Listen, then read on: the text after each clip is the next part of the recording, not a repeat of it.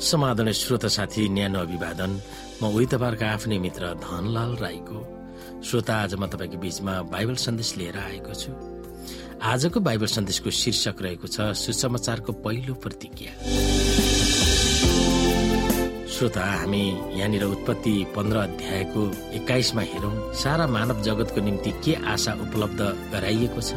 तेरो र स्त्रीको बीचमा र तेरो सन्तान र स्त्रीको सन्तानको बीचमा म दुश्मनी हालिदिनेछु। त्यसले तेरो शिर कुच्याउने छ र तैले त्यसको कुर्कुच्चा डस्नेछस् परमप्रभु परमेश्वरले आदम र तिनकी पत्नीका निम्ति छालाको लुगा बनाई तिनीहरूलाई लगाइदिनु यस संसारमा पतन पछि भयानक दुखद घटनाको विवरण उत्पत्ति तीनमा वर्णन गरिएको छ।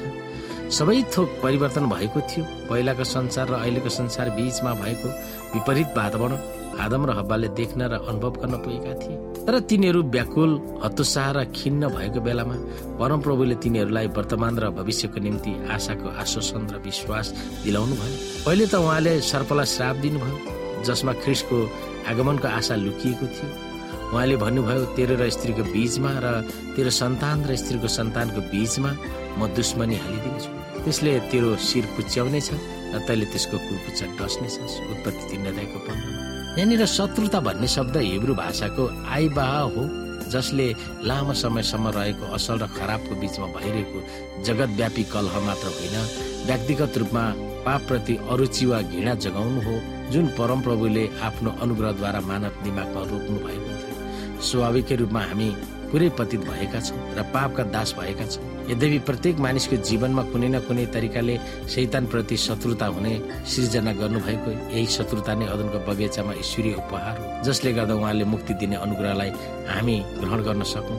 जसले गर्दा उहाँले मुक्ति दिने अनुग्रहलाई हामी ग्रहण गर्न सकौँ। मानिसलाई परिवर्तन गर्ने यो अनुग्रह र पुनर्जीवित पार्ने शक्ति बिना मानव प्राणी शैतानको अधीनमा नै रहिरहन्छ। त्यो मानिस शैतानको दास भएर उसकै खटरमा रहन तयार हुन्छ। मसिहको आगमनको प्रतिज्ञालाई चित्रण गर्न प्रभुले पशु बलि प्रयोग गर्नुभयो। जब आदमले परमप्रभुको विशेष निर्देशन अनुसार पापको भेटी चढाए तब उनको निम्ति यो अत्यन्तै पीडादायी विधि भएको थियो। जीवको हत्या गर्नलाई उनको हात उठाउनै परेको थियो। उनले देखेका मृत्यु यो पहिलो पल्ट थियो जब उनले रक्तम्य भएको पशुलाई मृत्युको वेदनाहरूमा छटपिटिएको थियो। त्यसबेला उनले परमप्रभुको पुत्रलाई विश्वासद्वारा अघिल्तिर हेर्नु पर्दथ्यो जो मानिसको बदलीमा बलि भएर मर्नुहुने थियो। अदनको बगैँचामा पहिलो पल्ट के प्रकट गरिएको थियो भनेर हामीलाई विभिन्न पदहरूले के सिकाउँदछ हामी हेर्न सक्छौँ हिब्रू नौ अध्यायको अठाइसमा हामी उहाँमा परमेश्वरको धार्मिकता बन्न सकौँ भनेर पाप नचिन्नु हुनेलाई परमेश्वरले हाम्रा खातिर पाप बनाउनु भयो र ख्रिस धेरैजनाका पाप बोक्नलाई एकैपल्ट बलि हुनुभयो र उहाँ दोस्रो पल्ट देखा पर्नुहुनेछ।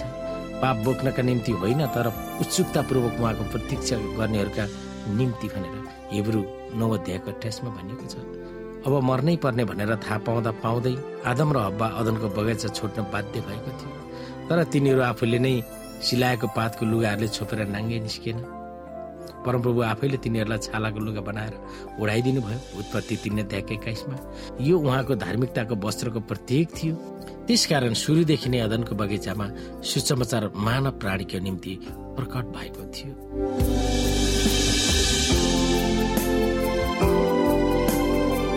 श्रोता साथी आजको लागि बाइबल सन्देश यति नै। हस्त नमस्ते। जय मसिंह। Bye.